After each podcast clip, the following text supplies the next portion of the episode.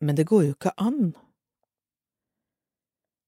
Utsagnet framføres ofte krydret av vantro, sjokk, kanskje mistro, når jeg forteller hva jeg som blind kan oppleve.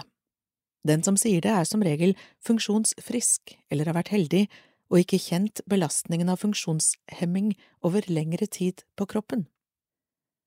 Hva er det som ikke går an?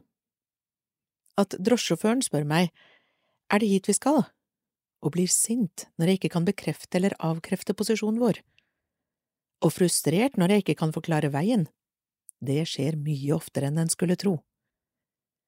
At eh, noen nekter meg adgang med førerhund, for det er jo mot loven å nekte deg det. Ja, tenk, det vet jeg faktisk, men det skjer også stadig vekk.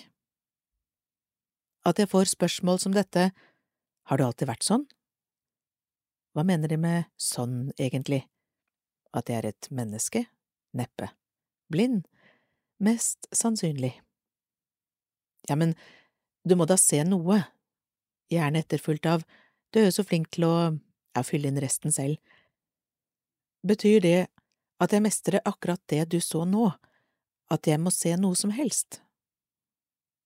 Eller dette, hvorfor må du ha hjelp til å finne fram når du greier det hjemme hos deg selv? Kan det være fordi hjemme er jeg godt kjent, men nå er jeg på et nytt sted? Jeg blir så utrolig lei av å måtte forklare mennesker som er vant til å se det helt grunnleggende om livet uten syn.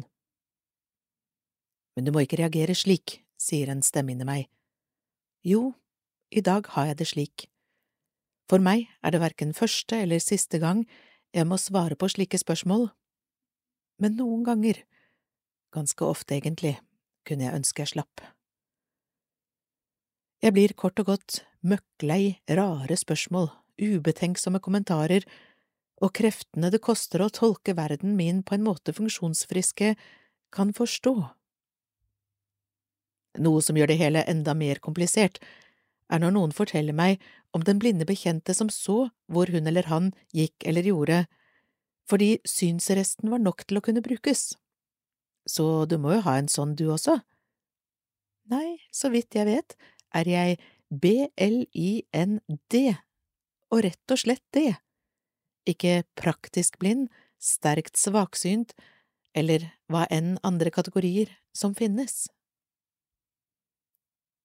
Noen ganger kunne jeg bare ønske at jeg slapp å være en attraksjon, den spesielle personen med en livssituasjon få aner rekkevidden av.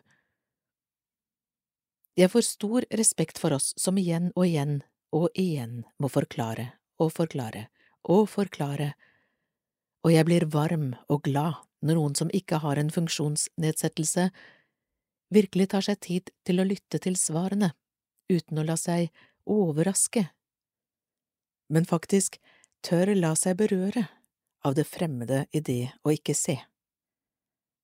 Jeg blir også glad og letta når andre synshemmede ler gjenkjennende av taxisjåføren som setter meg på feil sted. Det er ikke nytt for dem. Noen ganger er det godt vondt å høre andre konstatere, med resignert medfølelse og ganske felles forståelsesplattform, ja, det går an. Alt dette er faktisk veldig vanlig.